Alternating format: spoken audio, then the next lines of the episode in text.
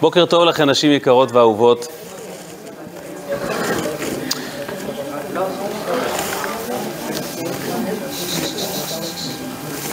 בסדר גמור, בסדר גמור. עד שמתכנסים, עד שמתראים. אך טבעי הוא שקצת ידברו. אה, אנחנו נמצאים אה, כפסע לפני חג שבועות, זה עוד לא שיעור על שבועות, אבל אנחנו נמצאים כפסע לפני החתונה הגדולה בין הקדוש ברוך הוא לעם ישראל.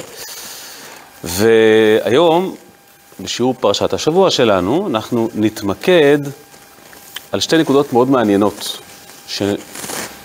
שנובטות מתוך הפרשה. קודם כל, למה לפי ההשקפה הנכונה והטהורה של היהדות המסורתית, חיים יהודיים מתחילים מתוך איזה מין אה, חוסר ודאות כזו. ארבע, חמש פגישות ומתחתנים. תמיד עולה השאלה של אה, זהו, מה, ככה?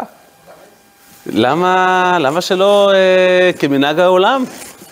אה, נצא 60, 70, 80, 200 דייטים, אה, נהיה ביחד שנתיים, שלוש, ארבע, נכיר לעומק, כן? ואז נחליט אם ראוי או לא ראוי.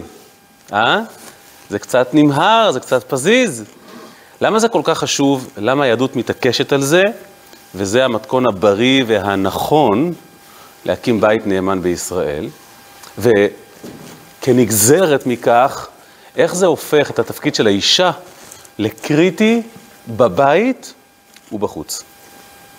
כשזה מתחיל נכון, זה גם ממשיך נכון, והדבר הזה נהיה קריטי גם, גם בהמשך. ואת כל זה אנחנו נוציא מתוך הפרשה. וידבר אדוני אל משה במדבר סיני, באוהל מועד, באחד לחודש השני, בשנה השנית, לצאתם מארץ מצרים לאמור. התחלנו את פרשת, את, את ספר במדבר. ספר במדבר, הספר הרביעי בתורה, כבר יצאנו ממצרים, האמת היא, ספר בראשית כבר בראנו את העולם, אברהם אבינו התגלה, ספר שמות יצאנו ממצרים, קריעת ים סוף, מתן תורה כבר מאחורינו, והנה, ספר אה, במדבר מתחיל, ועכשיו המסעות המפורסמות. אז מתחילים במדבר אה, סיני באוהל מועד. תמיד תמיד כשאנחנו קוראים פסוק כלשהו בתורה, אנחנו מיד מתעניינים לדעת, הדבר הראשון שמעניין אותנו הוא, מה רש"י היה אומר על הפסוק? כי רש"י הוא תמיד הפרשן האולטימטיבי. הוא תמיד קורא את הפסוק קודם כל, ומחפש לראות שהפסוק מובן על פי פשוטו, בצורה הפשוטה והקלה ביותר. לכן תמיד מסקרן לראות איך רש"י קרא את הפסוק, כי אם היא יכלה לצוץ שאלה, רש"י כבר חשב עליה וכתב פירוש. אז בואו נראה מה רש"י כותב על הפסוק. וידבר במדבר סיני באחד לחודש, רש"י לוקח את המילים הרלוונטיות מהפסוק וכותב, מתוך חיבתן לפניו מונה אותם כל שעה. אומר רש"י, אתה יודע, הקדוש ברוך הוא כל כך כל כך אוהב אותנו, שהוא חוזר וסופר אותנו, הוא מונה אותנו כל הזמן. כשיצאו ממצרים, מנען, וכשנפלו בעגל, מנען לידה מניין הנותרים. אז הוא ספר אותנו ביציאת מצרים, אחרי חטא העגל הוא ספר, הוא, הוא ספר לראות כמה נשארו ספירת מלאי, וכשבא להשרות שכינתו עליהם, מנעם. ועכשיו כשהוא רוצה לשרות בתוכנו, הוא שוב סופר אותם. באחד בניסן הוקם המשכן, ובאחד באייר מנעם. אחד באייר זה אחד לחודש השני. מקסים, מרגש, איזה רש"י נהדר. אומר רש"י, הקדוש ברוך הוא פשוט סופר אותנו מרוב אהבה, מרוב התלהבות, דבר יקר אתה שב וסופר אותו כל הזמן, כי הוא, כי הוא נורא נורא יקר לך. יופי, נהדר. אז את דעתו של רש"י הבנו. יש רק בעיה אחת עם רש"י הזה. אתם זיהיתם בפסוק משהו שקשור לספירה? יש פה איזה אלמנט של מניין בפסוק? וידבר השם אל משה במדבר סיני באוהל מועד, אחד החודש השני, בשנה השנית. מי דיבר על לספור? רש"י הביא את זה משום מקום. איך זה קשור? אז בעצם כשאתה מדפדף אתה בעצם מגלה שרש"י עושה לך ספוילר. כי בפסוק הבא זה מה שיקרה. בפסוק הבא אומר הקדוש ברוך הוא, תתחילו לספור את בני ישראל. שאו את ראש כל עדת בני ישראל למשפחותם לבית אבותם. אוקיי, זה הפסוק השני. איך, מה... למה רש"י מקדים את המאוחר? הוא מספר את הסוף של הסרט. זה לא טוב. אז באמת, מה, מה רש"י ראה כשהוא הקדים את העניין הזה? אז המפרשים כולם באמת שואלים את השאלה הזו ונזעקים. אחד מהפרשנים הגדולים של רש"י הוא המהר"ל מפראג. המהר"ל מפראג, שעליו אה, כותב הרבי הרייץ, שהוא היה גדול גאוני דורו. הוא חי בדור של הרבה גאונים, הוא היה הגדול שבהם. המהרש"ל, המהרש"ל הנודע, כתב על המהר"ל, אמר למהר"ל שכל העולם לא יכל להכיל את הגאונות שלו. אגב, הוא היה הסבא של הסבא של הסבא של בעל התניא, בן אחר בן. והוא כתב ספר שנקרא גור אריה, והוא מפרש את רש"י. ודרך אגב, עוד פרט מעניין לכל מי שאומר לעצמו, אני כבר מבוגר, מה יצא ממני? את ספרו הראשון כתב המהר"ל בגיל 66. יש תקווה. הוא חי כמעט עד גיל 100 דרך אגב, זה מה שמוכיח שכשאתה מתחיל מאוחר, יש סיכוי שכנראה גם תחיה עד מאוחר. אז לא להתייאש, חברים. אז הוא, את, את ספרו הראשון על, על רש"י, זה הספר הראשון שהוא כתב, פירוש על רש"י, הוא נקרא גור אריה, הוא נדרש לשאלה הזו, הוא אומר, מה רש"י, רש"י מקדים את המאוחר, איך, איך רש"י הגיע למניין? הוא אומר, אני אגיד לך מה הדליק את רש"י. הרי תמיד רש"י, כשהוא קורא פסוק, הוא מזהה במפר, הוא מיד עט עליו כדי להסביר לנו אותו. מה שהפריע לרש"י זה המילים, באחד לחודש השני בשנה השנית. מה, מה זה קשור? מה זה נוגע עכשיו פתאום? פתאום מגיע תאריך. זה קשור, סתם התורה אומרת תאריך שתדע, שתדע מה הסדר, מה הכרונולוגיה, אין, פה שום חשיבות, זה לא איזה חג שצריכים לזכור אותו, אין פה שום מאורע מיוחד. פתאום תאריך, רש"י אמר, מעניין, למה התורה מציינת פה תאריך? אז הוא אמר, אהה, אני יודע למה. כנראה התורה רוצה לבטא את העובדה שהקדוש ברוך הוא לא יכול להתאפק והוא שוב ושוב מונה אותנו, ולכן התורה אומרת תאריך כדי שתגיד, רגע, כבר, הרי ממש לפני דקה הוא ספר אותם. כולה שנה שנייה. כבר פעמיים הוא ספר אותם, גם ביציאת מצרים ספר אותם, גם בחטא העגל ספר אותם. עוד פעם סופר אותם. כולה אחד לחודש השני בשנה השנית, מדובר על שנה וקצת אחרי יציאת מצרים. אומר רש"י, זה הסיפור. הקדוש ברוך הוא לא יכול להתאפק, הוא כבר חמש דקות לא ספר אותם, הוא עושה את זה שוב פעם. מפה אתה למד על חיבתו הגדולה של הקדוש ברוך הוא לבניו. אם המהר"ל מפראג אומר, אז ודאי שהתשובה הזו נכונה. תשובה נכונה, אבל הרבי אומר, בפשט זה לא ממש מסתדר לי. תשובה אמיתית, אבל אני מחפש תשובה שהולכת עם הפשט. הפשט זה לא מסתדר מכמה סיבות. קודם כל, מדוע ביתר הפעמים שהקדוש ברוך הוא מונה, שם הוא לא, הוא לא מציין את התאריך. אם היית רוצה באמת להראות לי איך הקדוש ברוך הוא לא מתאפק וסופר שוב ושוב ושוב, וכל פעם כשהוא סופר, היית שם תאריך, ואז הייתי עושה השוואה, והייתי רואה, זה לא קורה, זו פעם ראשונה שהקדוש ברוך הוא מציין מה התאריך של הספירה. זה דבר ראשון. ודבר שני, רש"י מתעלם מהמילים בשנה השנית. אתה רוצה לציין שהקדוש ברוך הוא סופר אותנו שלוש פעמים בשנה, אז רש"י, אה, את המילים בשנה השנית היה צריך לציין, רש"י מתעלם מזה. זאת אומרת, התשובה הזו טובה, אני רוצה תשובה שהיא נכנסת במילים של הפסוק ושל רש"י. אז מה המילה שהדליקה את רש"י? שהוא קרא ואמר, המילה הזו לא הייתה צריכה להיכתב פה, ואם היא נכתבה פה, היא מבטאת משהו. איזו חיבה, איזו תשוקה, איזה קשר עמוק.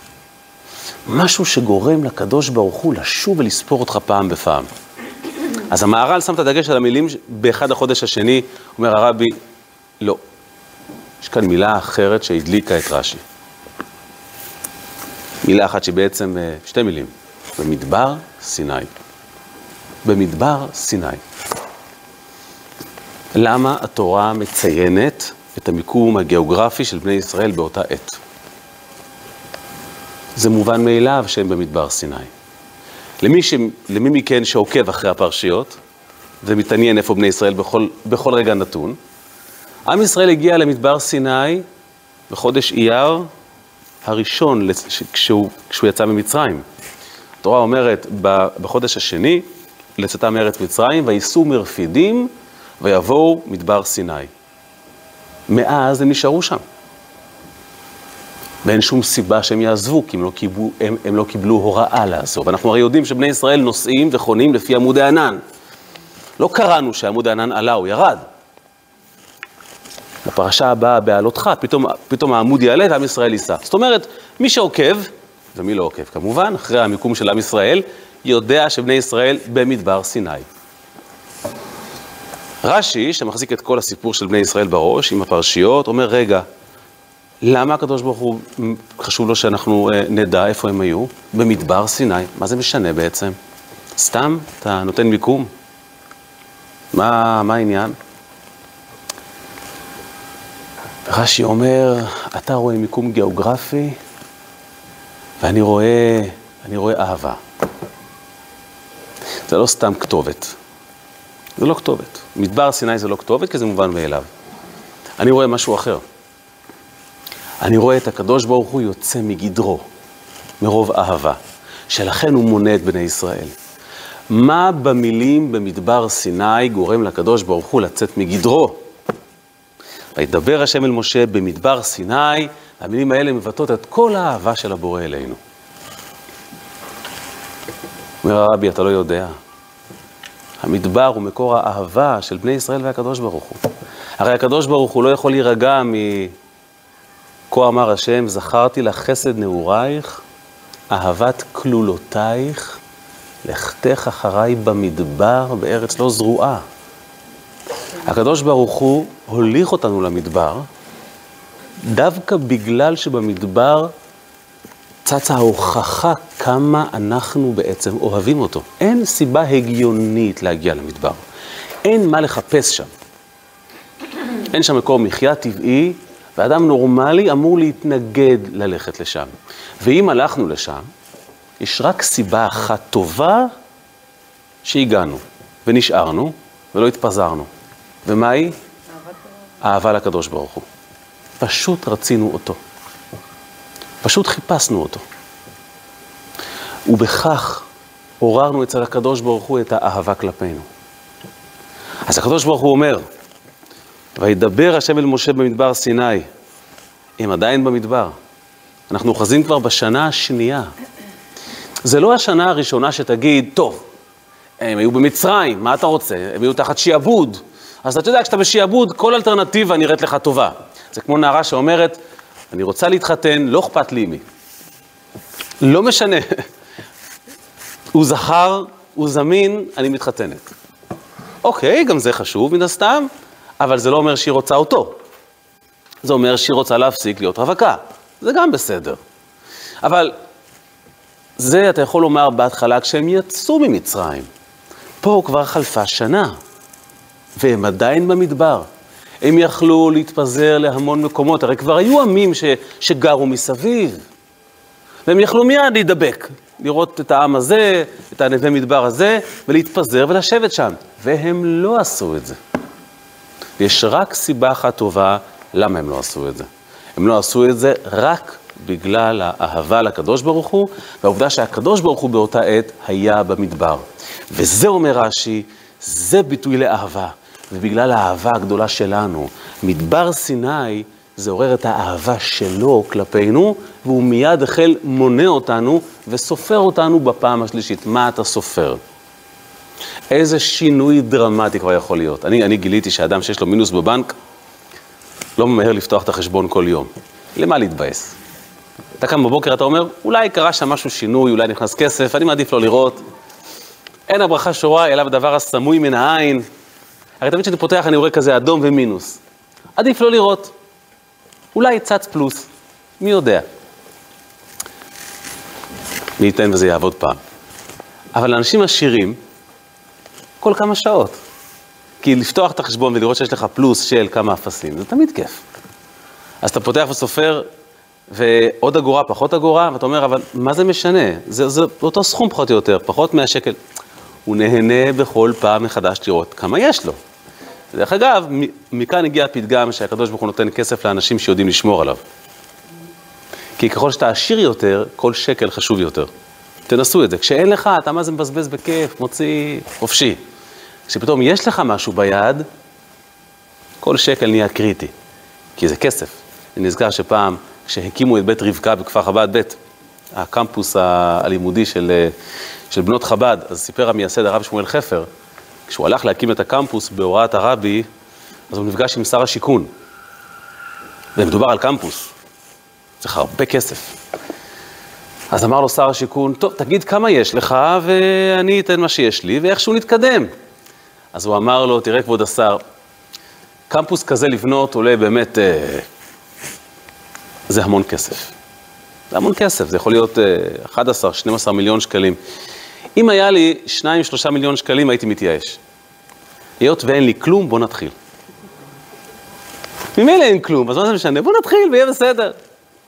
ככל שיש לך יותר, אתה מעריך יותר ואתה זהיר יותר ואתה נבהל יותר. הקדוש ברוך הוא, מה אתה סופר את בני ישראל? מה יכול כבר לקרות? לאיפה הם הלכו לאיבוד במדבר? אומר רש"י, לא הבנת, לא הבנת, הוא סופר אותם כי הוא פשוט נורא אוהב אותם. והסיבה שהוא נורא אוהב אותם, כי תראה, הם עדיין במדבר. מה יש להם לחפש שם? הם עדיין שם. הסיבה היחידה שהם שם, כי הם פשוט נורא נורא אוהבים אותו, וזה כבר שנה שנייה שהם שם. ולכן אומר רש"י מיד, וידבר במדבר סיני באחד לחודש, מתוך חיבתן לפניו מונה אותם. פתאום חיבתן, מהמדבר צומחת החיבה. ולכן הוא שב ומונה אותם פעם שלישית. זה השראה לכך שאנחנו מתחילים את החיים שלנו יחד, דווקא מתוך חוסר ודאות. דווקא מתוך חוסר ודאות. כי כשאתה מתחיל את החיים מתוך, קודם כל נכיר, ואחרי שנכיר נשקול, ואחרי שנשקול נצא לדרך, בעצם, בעצם, בעצם, עם מי אתה, עם מי אתה מקים בית? עם ההיגיון. עם השיקול ההגיוני הקר, לא עם האדם שמולך, כי לא התחברת אליו. הכרת אותו כדי לגבש חוות דעת, אתה נשוי לחוות הדעת. זה כבר מאוד רופף. ואפילו אם תחיו טוב, מה שאני לא רואה בשטח, זוגות שחיים הרבה זמן לפני החתונה יחד, אני לא רואה איך זה מקדם את, הנישואים, אבל נניח שזה כן מצליח. הקשר הנפשי הוא כבר פחות עמוק. כשאתה נפגש ארבע, חמש פגישות, או כל אחד כמה שרבותיו הורו לו, לא צריך יותר, זה כבר תורה שלמה בפני עצמה, בעצם אתה, אתה הולך למדבר. אתה יוצא למדבר. בעקבות מי אתה הולך? אתה מכיר את האדם שמולך, אתה יודע מי הוא. יש לך מושג איזה הפתעות עוד מצפות לך? ארץ לא זרועה, מה לך ולא? מה אתה יודע? אז למה אתה הולך לשם? אתה הולך לשם משום שהוא המטרה, משום שהוא העניין. אני לא הולך כי אני, כי אני הבנתי את זה, כי הגעתי להכרה, כי האדם הזה שנמצא מולי, אני שלו והוא שלי, ואני לא מתנה את זה בשום דבר. אתה מתחיל מהנקודה העמוקה ביותר, קוראים לזה אמונה. אתה הולך על אמונה. קשר שמתחיל משם, הוא יכול רק להשתדרג. כי עם הזמן אתה גם תבין. זה ייקח קצת זמן. להכיר, וגם להבין. אבל אתה מתחיל מהנקודה העמוקה, ואז אתה משליך את זה על החיים שלך. כשאתה מתחיל מהיגיון, תמיד שואלים, למה אלוקים ברא את העולם? ומה התשובה היא? כשתהיה אלוקים, תבין. אה, אין לכם הסבר, אתם הדתיים. לא, זה לא שאין הסבר. אנחנו לא רוצים בשלב הזה לשמוע הסבר, כי אנחנו לא עובדים את ההסבר. אנחנו עובדים את אלוקים. לא יעזור לי הסבר כרגע, אני רוצה אותו. תמיד יהיה נחמד לשמוע הסבר, אנחנו, זה לא, לא זה המניע שלנו. אם הוא לא יסביר, אני לא רוצה אותו. אני לא נשוי להסברים, אני נשוי לו. זה אולי עושה את זה לטיפה יותר מאתגר, לא קל לחיות במדבר. אבל זה אומר שהקשר שלנו הוא עמוק ובלתי תלוי, ולכן הוא יחזיק יותר זמן מעמד. ואני רוצה לומר לכם, שאני מסתובב בכמה אה, אה, בכללות, בתי ספר, סמינרים, בחוגים שונים, ובחוגים שבהם מקובל לצאת ככה איזה שנתיים לפני החתונה, כמות התסבוך והקושי וכאבי הלב והדילמות הלא נגמרות, זה פשוט קורע את הלב. כי כבר מיציתם את השיח ואת הקשר, אז מה עכשיו להתחתן? למה? הקשר מוצע. הגענו להחלטה, אבל ההחלטה רק, רק מפריעה, זה משהו הרבה יותר גדול מכל החלטה. זה המדבר, דווקא האי-ודאות. זה מראה שהקשר ביניכם הוא עמוק הרבה הרבה הרבה יותר. אז הקדוש ברוך הוא מתלהב מהעובדה שאנחנו במדבר בעקבותיו, וזה אומר שאנחנו מפוקסים עליו, לא על שום דבר אחר, כי אין לנו שום טובת הנאה מהקשר הזה, אנחנו, אנחנו, אנחנו בקושי מכירים אותו, אנחנו איתו, והוא בתגובה מונה אותנו וסופר אותנו בהתרגשות רבה. אבל יש במדבר עוד אלמנט חשוב, מאוד מעניין, שהוא גם נובע מההתחלה הטובה של הקשר, מהאי-ודאות הזו. למה המדבר מחבר בין בני זוג? אגב, זה אחת הסיבות שאנחנו גם בגיל צעיר מתחתנים. אני אגיע לגיל 30, אני אמצא עבודה, אני אסתדר. כשאתה מגיע ככה לקשר, אתה בעצם מגיע עם כל מה שיש לך, ואז אתה מה שנקרא מתארח בקשר. זה לא טוב.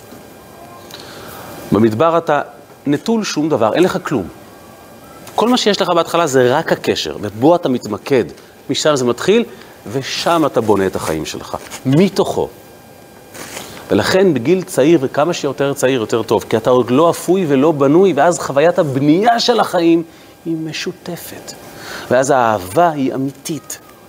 כי זה לא שותפות עסקית בין שני אנשים שכבר בנויים, אני יש לי את הנכסים שלי ואת את שלך, וזה לא עובד כך.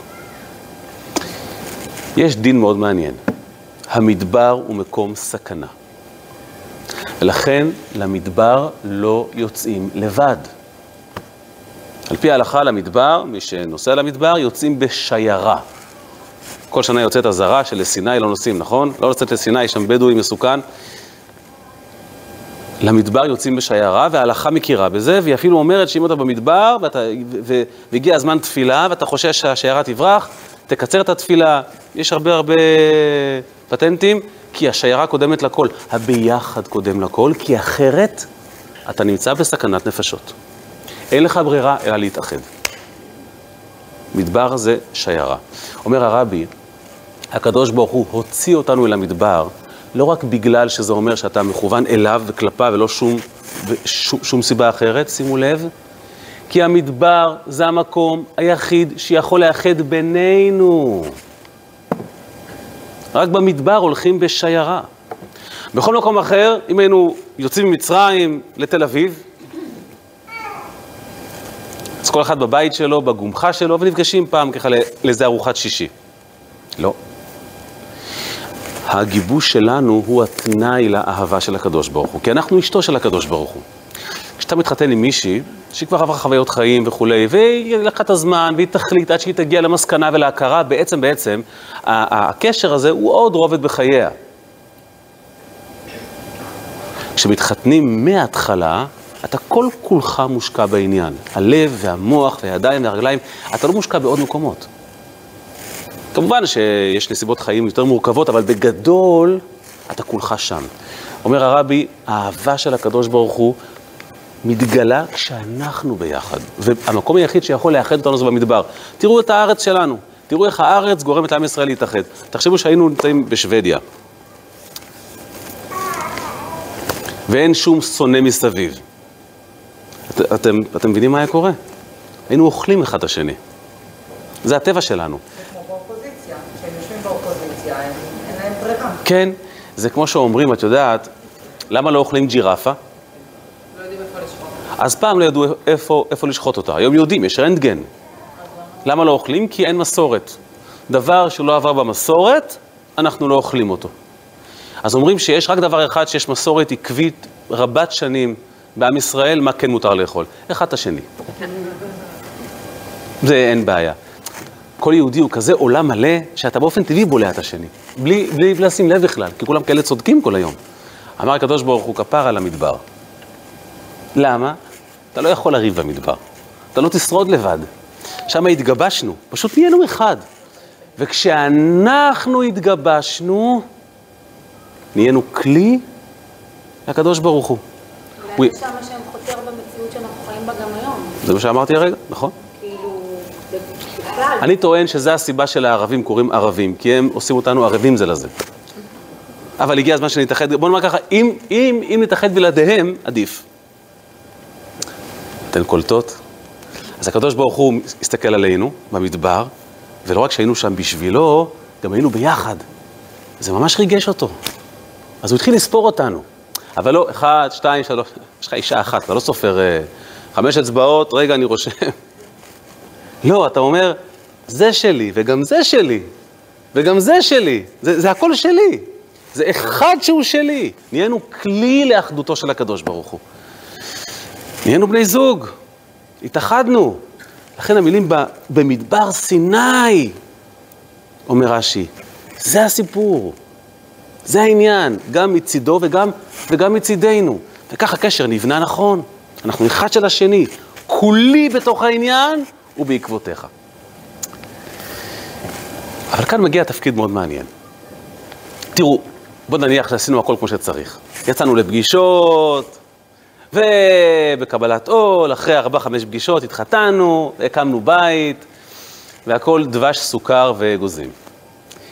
אבל אנחנו מכירים את המציאות בעולם. העולם בחוץ כל הזמן שואף, כל הזמן שואף לפירוד, כל הזמן. הוא כל הזמן מפרק. זה העולם בחוץ. כל האידיליות שכאן בשיעור, הם כאן בשיעור. בחוץ העולם מייצג כל הזמן את ההפך. ואז הרבי מביט למציאות בעיניים ושואל, עד עכשיו מה שדיברנו, הכל נכון בתיאוריה, לא, לא בתיאוריה של המילים, אלא במעשה, אבל בתוך החיים שלי. איך אתה מנהל את כל זה בתוך עולם שכל הזמן גורם לך ההפך? אתה יוצא מהבית, אתה יוצא מה, מהתחום של הקדושה, הכל כל הזמן הפוך לגמרי. הכל ציני והכל קר, ואתה שומע דברים נגד מוסד הנישואים, ואתה רואה את, ה, את, ה, את, ה, את הקשיים של כולם, והחשק יוצא לך. כן? זה פשוט אה, שיחה אחת בין החברות, והחשק להתחתן יוצא. או בין החברים. אז איך אתה יכול לנהל גם בחיים האישיים וגם בחיים הרוחניים? אתה רוצה להיות כזה יהודי מאמין וטוב ומלא, אז אם אתה חי לך באיזה גומחה במאה שערים, מי יאתגר אותך? אבל אנחנו לא חיים במאה שערים, ואין סיבה לחיות שם. אתה חי בכל מקום שהוא. העולם מייצג בדיוק הפוך, בדיוק הפוך. אז איך אתה שומר על ה... איך אתה מגשר על הפער הזה? וכאן הרבי אומר, שימו לב, דבר מאוד מאוד מעניין. אנחנו אשתו של הקדוש ברוך הוא. המשימה שלנו היא שהבית של הקדוש ברוך הוא יהיה בית של אחדות, אנחנו מאוחדים בינינו ובונים בית לקדוש ברוך הוא.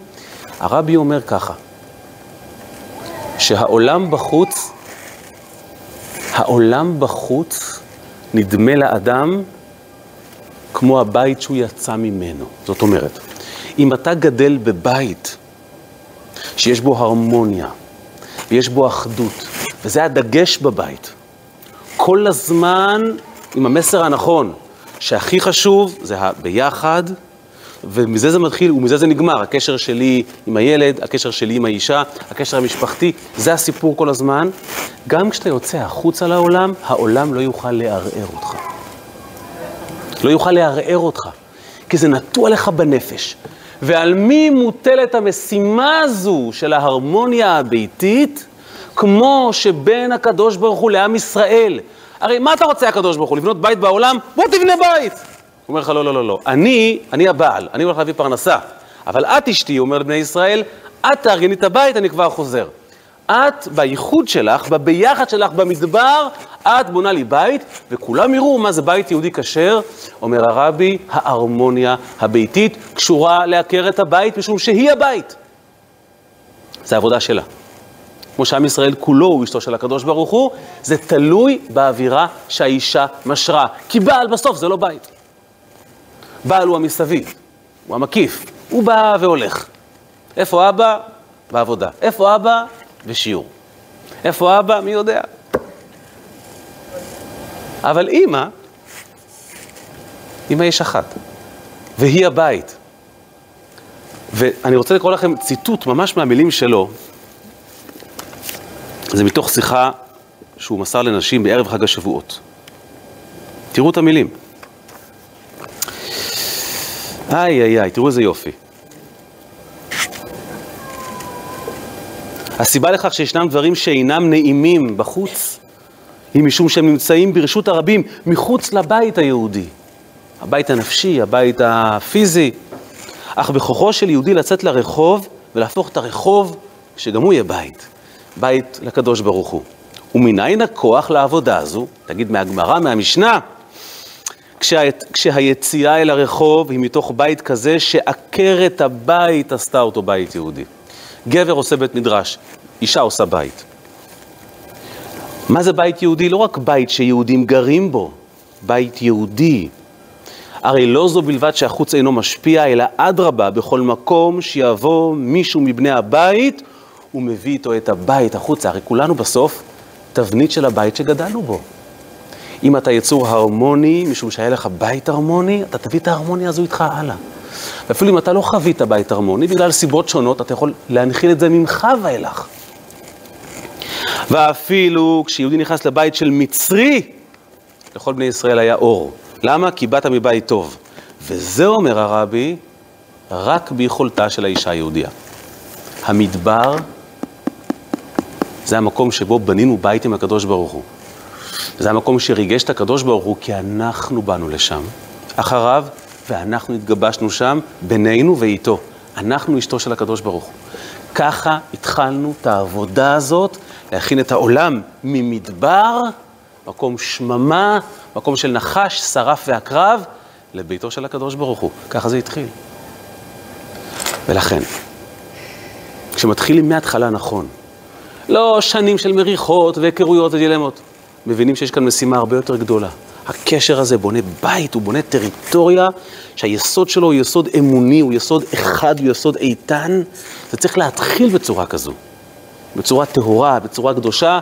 למה אתה הולך אחרי האדם הזה? שוב, על פי תורה, אחרי שאמא עושה בירורים, כמו שהקג"ב לא עשה כמובן, ואחרי הפגישות שצריכים להיות, כפי שאנחנו uh, יודעים, אבל היסוד, המדבר, אמונה, אתה לא יודע מה יקרה. עשית את המוטל עליך, מכאן ואילך אתה עושה את זה משום שזה מה שהקדוש ברוך הוא רוצה. יש כאן עניין של בניית בית אלוקי. בית כזה שבנוי מהיסוד נכון, הוא בית שבו שום דבר לא יכול לערער אותו. אוקיי, עד כאן הכל נשמע נכון וטוב, נכון? אבל uh, אני יודע מה אתן רוצות לשאול. זה היה נכון פעם. כי פעם האישה באמת הייתה בבית כל היום. נו מה? רק לגהץ לקח שבוע. להדליק את המדורה, לשים את הגחלים בתוך המגהץ, אה, לכבס, לרדת לנהר, זה, כן. אני, אני, אני, אני זוכר את סבתא שלי מורטת נוצות לעוף. אני לא רואה אותי עושה את זה היום. פעם להיות אישה זה היה ג'וב במשרה מלאה. והיום? היום האישה יוצאת מהבית. היום זה לא הרבה יותר. היום היא יוצאת מהבית גם. זאת אומרת, לא רק שהבית על כתפיה, כל העולם על כתפיה. ופה, ופה עולה השאלה, האם איבדנו את זה? אנחנו עושים נכון? נשים יוזמות ומקדמות ודוחפות, אולי, אולי, אולי זו מעילה בתפקיד. מי ביקש? את קיבלת משימה, תעמדי בה, תתמידי בה ספציפית, מה פתאום החשק לפרוץ גבולות?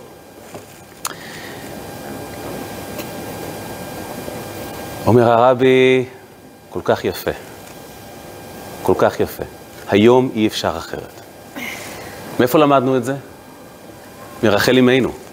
רחל אמנו באה, ממררת בבכי לקדוש ברוך הוא, אומרת לו, אתה לא תעשה זה לבנים שלי, אתה לא תחריב להם את הבית. וזה אחרי שמשה דיבר, ואברהם דיבר, ויצחק ויעקב, והוא אומר, מיני קולך מבכי, יש שכר לפעולתך. והרבי שכל מילה אצלו היא נורא חשובה, הוא רוצה לומר עצור. זאת אומרת, יש שכר לפעולתך. מה זה יש שכר לפעולתך? כאילו, זו פעולה שהיא יזמה, כאילו, מעצמה. לכל פעולה יש שכר, לא? אבל זה התפקיד שלך. מה זאת אומרת? לי מגיעה מדליה כי אכלתי הבוקר ארוחת בוקר? אימא, מה אתה רוצה שתעשה? יש שכר לפעולתך, כאילו, כאילו היא עשתה משהו אקסטרה. לכל פעולה יש שכר. אומר הרבי, כשהקדוש ברוך הוא אומר יש שכר לפעולתך, הוא מתכוון למשימות שרחל לקחה על עצמה שלא ביקשו ממנה. כי כשמשה הגיע, ואברהם הגיע, ויעקב ויצחק הגיע, הם כולם ביקשו מהקדוש ברוך הוא שיעזור וירחם, והוא לא הקשיב, אבל היא הגיעה עם משהו שהיא עשתה, והוא לא ביקש. הוא אמר, תקשיבי, גם את זה ראיתי. וכמו שאת עשית דברים שלא ביקשתי, הגדלת ראש, גם על הפעולה הזו יש שכר. ובזכות הפעולה הזו, אני אדאג שהבית שלך לא ייחרב. מה הייתה הפעולה שלה? הוויתור הגדול. גם לאחותה לאה בית החתונה, גם להיקבר מחוץ למערת המכפלה, כדי להיות על אם הדרך, להיות לעזר לבניה. מי ביקש ממנה? ברור שהיא ויתרה. כן, תמיד יש נסיבות שנראות לנו אה, אקראיות, אבל את מבינה שהמקום לכאורה היה שמור לה ליד בעלה יעקב. היא האישה האהובה, והיא ויתרה, ועד היום לאה נמצאת בחברון. זה לא מחיר קל. מי ביקש? היא יצאה מחוץ לתחום. היא לקחה יוזמה ופעלה בניגוד לאינסטינקט הנשי והאימהי. ואמר הקדוש ברוך הוא, ראיתי, ועל זה אני משלם שכר מיוחד. ודעו לכם, בדור שלנו, אני חושב שאין דרך יותר טובה לחנך ילדים.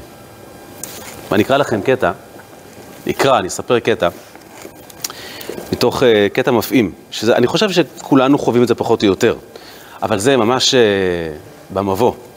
אחת מהשלוחות של הרבי בארצות הברית, ברוניה שייפר קוראים לה. כבר בשנות ה-60 וה-70 יצא במסע הרצאות על טהרת משפחה, זה סיפור נורא נורא מעניין, נורא נורא מרתק כשלעצמו, אבל יש לה קטע בספר שהיא כותבת, היא כותבת כך. היא אומרת, מרוב הרצאות ושיעורים הרגשתי שאין לי מספיק זמן לילדיי. ערב אחד אמרתי לעצמי, היום אני עם הילדים. קראתי לבת, אמרתי לה, היום את ואני משחקות מונופול. הילדה שמחה והתרגשה, ומדובר לא על היום, לפני 40 אה, שנה, 50 שנה.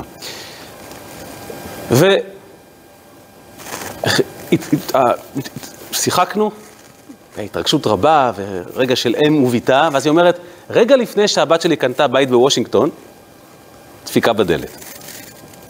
ככה היא כותבת, צלצול פעמון. נו, לא תענה. קמתי ועניתי, בדלת עמדה אישה שעמדה לפני תהליך גירושים נורא קשה, והיא כל חייה עסקה בטהרת משפחה, בזוגיות וכולי, כשליחה של הרבי בבית חב"ד. אז הבנתי שהיא הייתה על סף בכי והיסטריה, אותה אורחת, הבנתי שאני לא יכולה לשלוח אותה.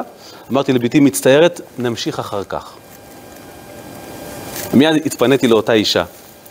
ואז היא אומרת, אני, אנחנו יושבים בסלון, מדברים, אני ואותה אישה, ולפתע פתאום צנח לידי פתק. אני פותחת ואני קוראת ככה, כתוב בכתב ילדותי. אמא יקרה, כותבת לי בתי, את מתנהגת אל בני משפחתך כמו אל זרים, ואל זרים כמו אל בני משפחה. נתנה לה מוסר, מה שנקרא.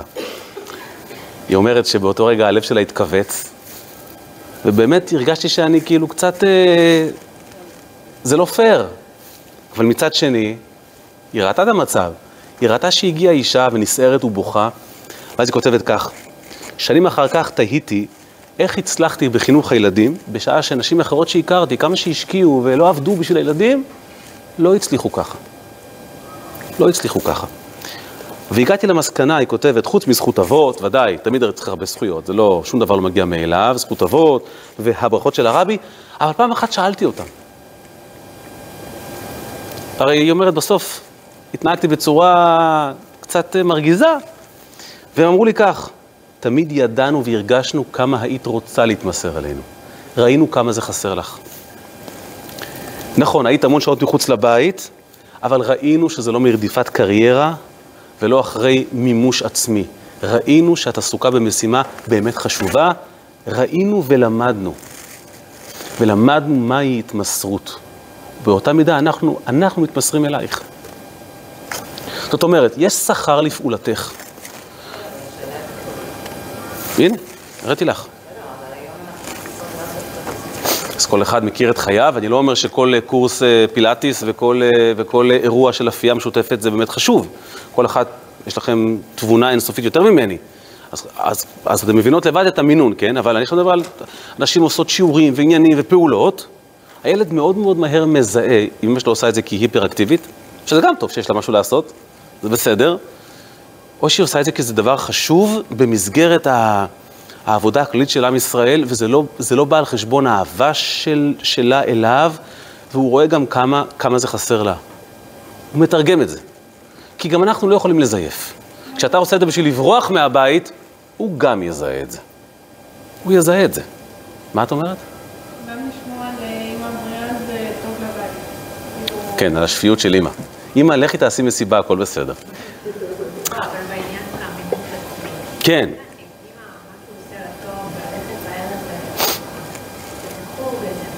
דבר נהדר, אני בעד כל חוג שעושה טוב לאישה.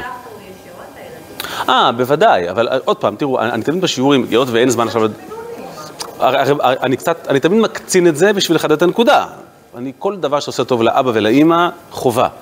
אבל את מכירה את זה שיש היום, לפני כמה, לפני שנה הייתה, אני לא זוכר בדיוק איזה חברה, מנכ"לית של חברה גדולה בעולם, חזרה אחרי שבועיים מחופשת לידה לעבוד.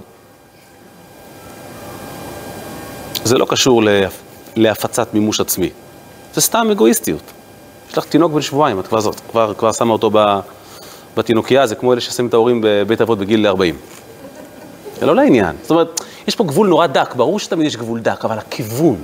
כן, בדור שלנו, לאישה יש מספיק זמן וכוחות גם להכיל בית כשר ושמח, וגם להשרות את, את אותה הרמוניה. כי היא יודעת מה המשימה שלה, והקדוש ברוך הוא אומר, יש שכר לפעולתך. גם פעולות שלא ביקשתי ואת לוקחת על עצמך, אני מתגמל על כך. למה? כי את דואגת לבית הכללי שהוא העולם הזה. וזה הכל מתחיל מהמדבר. היות ובמדבר התחלנו טוב, הנקודת מוצא שלנו היא טובה. התגבשנו עם הקדוש ברוך הוא ו... ועם עצמנו, הקמנו בית טוב, עם שורשים טובים, יש לנו כוח להפוך את כל העולם לבית כזה. וכמו שהאישה דואגת לתוך, לתוך של הבית שלנו, היום גם כוחה יפה לבחוץ. בהדרכה הנכונה, במינון הנכון, יש לנו מספיק על מי, עם מי להתייעץ ולהישען, אבל כן, היום דווקא זה, זה הכוח. אני חושב שהיום הרבה יותר קל לגדל ילדים כשאתה ב, בעשייה ואתה משפיע, מאשר אתה פסיבי, פסיבי ואתה כל היום מתגונן וסופג. זה אסור, זה אסור, זה אסור. כשאתה משפיע, אז יודעים, אה, אמא שלי עושה, הביאה הרבה נשים לערב כזה, אז יש לנו דרך שאנחנו משפיעים, והוא נסחף לאווירה הזו. ונסיים עם אותה גברת, אפרופו הכוח של אישה, והכוח של פעולתך, והכוח של מדבר, והדבקות הזו במטרה. יש לה קטע מדהים, מספרת שיום אחד היא הגיעה לביקור אצל הרבי. היא לא כותבת איזה שנה, אבל כנראה שנים מוקדמות יחסית. ושוב, היא התחילה עם דבר שהיה אז מאוד מאוד חדש, לדבר על טהרת משפחה בפומבי, זה לא היה דבר קל ופשוט. וקורא לה המזכיר של הרבי ואומר לה, הגיע מכתב לרבי בשבילך. זה דבר שלא קרה. אנשים שלחו מכתבים לרבי, לרבי. אה, הוא השיט לה מכתב, היא פותחת וקוראת. אני לא אקרא את כולו, אבל כותב מישהו לרבי, לרב שניאורסון הנכבד. יש לי סיפור בשבילך, הוא כותב לו. לפני עשר שנים הגיעה לדירתנו הגברת ברוניה שייפר, והביאה לאשתי פמות, פמות, מקריסטל. והפמות הזה שינה את חיינו. היא לא זכרה, היא לא, לא זכרה מה מדובר. ואז היא כותבת את כל הסיפור. הוא, הוא, הוא כותב לרבי מה הסיפור, והיא לאט לאט הלכה ונזכרה. הוא כותב לרבי, אני נוצרי פרוטסטנטי. והתחתנתי עם אישה יהודייה, קראו לה סוזי. חיינו בשלום ובהרמוניה, אבל לא מצאנו קהילה שתקבל אותנו. אז בתחילה הוא אומר, ניסינו להתקבל לרפורמים, כי שם כולם מתקבלים. אבל זה לא, זה לא עבד, זה לא עבד. וכל אופציה אחרת הייתה מורכבת מדי, אז החלטנו שאם לא, לא מצליחים להשתלב בחיים היהודיים, אז סוזי תתנצר. והיא הסכימה. צריכים משהו משותף, לא צריכים בית משותף. אז היא הסכימה, והיא הסכימה להתקבל לכנסייה שלי. ואז, באחד מהשיעורים שהיא עשתה, וזה שיעורים שעוד עוברים מבית לבית, ואתה פוגש נשים במקרה, ככה, אחרי שיעור באקראי, היא, היא לא הכירה אותה אישית ממש, הם דיברו, וזה היה, אמ, היא אמרה לה מתי היא נולדה, אותו סוזי, והיא עשתה כנראה את החשבון הרבנית, והיא גילתה שהתאריך הלועזי שלה, זה בעצם, לפי, לפי הלועזי, היא נולדה בנר שני של חנוכה. אז היא זכרה את זה, ואז היא באה אליה הביתה יום אחד עם פמות מקריסטל, ואמרה לה, אה, מזל טוב, זה היה בחנוכה. אז היא אמרה לה, מה מזל טוב, אני כבר, כבר, כבר עבר יום ההולדת שלי, אמרה לה, יש לך יום הולדת. היום, היום נר שני של חנוכה, יש לך יום הולדת, אז uh, הבאתי לך את הנר הזה ותדליקי. אז הוא כותב לרבי, אשתי החלה להדליק את הנר מדי, אה, מדי יום שישי בברכה, ונושא המרת הדת לא עלה שוב על סדר יומנו. כי לא הגיוני להתנצר כשאתה מדליק נר של שבת יהודי, נכון? אז קודם כל סוזי לא התנצרה. עכשיו, היא, לשליחה אין מושג מכל הסיפור הזה. אה, חלף זמן, הוא אומר, אשתי האהובה חלתה, הוא נורא אהב אותה לפי מה שהוא כותב, אשתי נפטרה בדיוק ביום ההולדת היהודי שלה, ביום השני של חג האורות. הוא זכר את זה. הוא הגוי זכר את זה בגלל הפמות. הייתי שבור לב, וחשבתי איך נכון לקבור אותה. אז הוא כותב, כל כך הערכתי אותה ואהבתי אותה, שהחלטתי שלאישה כזו מגיע לוויה נוצרית כמו שצריך. כזאת אישה יקרה, כזו אישה מיוחדת. רצתי הביתה לארגן את הסידורים, ולפתע נדדו עיניי אל הפמות העומד על השידה שלה, ואל, ואל המזוזה שבפתח, שגם היא הוענקה בהמשך על ידי הגברת שייפר. מסתבר שגם מזוזה הופיעה שם בהמשך המערכה, היא לא זכרה את זה בכלל. הבטתי על הפמות ועל המזוזה ואמרתי, לא מתאים קבורה נוצרית. פמות יהודי, מזוזה יהודית, תיקבר כמו נוצרייה, זה לא, זה לא מתאים. רצתי חזרה לבית הרפואה וחיפשתי רב, ומצאתי. אמרתי לו, יש פה אישה ששוכבת נפטרה, תעזור לי להביא אותה לקבורה יהודית, ואכן, קברנו אותה כמו יהודייה כשרה. הוא מסיים, תקשיבו. רביי, אני עדיין מבכה את בת זוגי, גם בבית וגם בכנסייה. הפמות עודנו על השידה לצד מיטתי. המזוזה, אז הגברת שפר אמרה שאת המזוזה לא זורקים לפח, אז קברתי אותו יחד עם סוזי. את המזוזה הוא קבר יחד עם, אה, עם אשתו. אבל עם, ה, עם הבית של המזוזה, הוא לא ידע מה זה. אני לא יודע מה לעשות, אני מחזיר לך אותו בחזרה עם המכתב. היות ועם הגברת שפר כבר אין לנו אה, קשר, אבל כשהיא הייתה אצלנו היא סיפרה שהיא באה בשליחותך, שאתה ההשראה שלה. אז אני, אותה אני כבר לא פוגש ואני לא יודע איפה היא, אז אני כותב לך רביי, אני מחזיר לך את, ה, את, ה, את המזוזה, ואני רוצה להודות לך. יברכך הקל ואת נשמת בת זוגי, וגם את הגברת ברוניה שייפר. היא הסתכלה על המכתב והיא אומרת, אני, אני לא, אני, ניסיתי להיזכר מי זאת הסוזי הזאת. ונזכרתי בהרצאה אחת מיני רבות שמסרתי, לאחר ההרצאה באה אליי בחורה צעירה וסיפרה לי שהיא החליטה להתנצר. מה תאמר לאדם כזה? החלטתי להביא לה פמות להדליק את הנר של שבת. אז נזכרתי ושחזרתי את כל העניין. אישה אחת שיצאה מהבית, הצליחה ליצור הרמוניה בתוך הבית, יצאה לעשות הרמוניה גם מחוץ לבית, תראו לאיפה הדברים מתגלגלים. אז היא אומרת, לימים המכתב הזה שהוא כתב לרבי פורסם בעיתון חב"ד מקומי, איפה שהיא גרה בארצות הברית, ו... וזה חולק חינם לכל התושבים, ואז התקשר אלינו זוג מבוגר, והאישה אמרה שהיא ביקשה בצוואה שאחרי פטירתה ישרפו את גופתה. אחרי שהיא ראתה את הסיפור הזה, היא ביקשה לבטל את הבקשה, היא רוצה להיקבר כמו יהודייה. אתן מבינות מה זה כוח של אישה? להפוך את העולם כולו לבית, בית הרמוני? למה אתה מתנצר? לאיפה אתה הולך? יש לך בית. אוהבים אותך בבית. זה הכוח של האישה ליצור את הבית ולהנחיל אותו הלאה. את הבית הפרטי, את הבית הכללי, והכל כשזה מתחיל נכון במדבר.